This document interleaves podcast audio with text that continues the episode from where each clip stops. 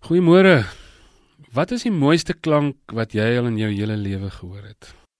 Mens kan hê verskillende antwoorde by verskillende mense. Party ouens sal sê is roep van 'n visarend. Ander mense sal sê dis sekere musiek is vir hulle vreeslik mooi.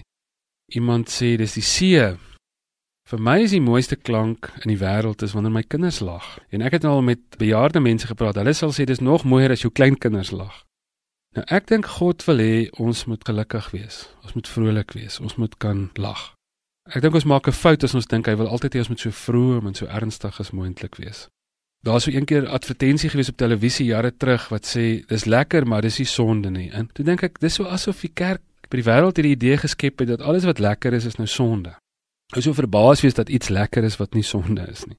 Dis soos in die tuin van Eden, daar was 'n klomp goeie, daar was waarskynlik miljoene goeie bome om van te eet. Daar was net daai een boom wat die slegte boom was. Dit was in die minderheid. En die groot vraag is eerder hoekom kies ons as daar soveel goeie goed is om in die skaduwee van hierdie een slegte ding te lewe.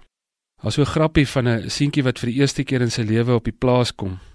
En hy's al die diere beïndruk om die skaap en die bees en die vark en so aan, maar hy roep sy ma toe hy die perde daar in die stal kry. Hy sê: "Ma, kom kyk." Sy ma kan nie verstaan hoekom hy so verbaas nie.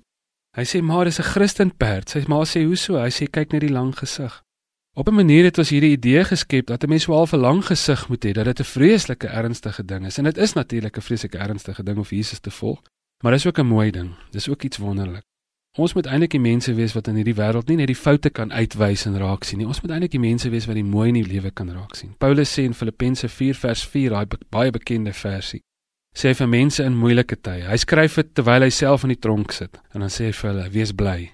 Ek herhaal, wees bly. En ons moet onthou Paulus en Silas het dit reg gekry om selfs in die tronk te sing op 'n stadium.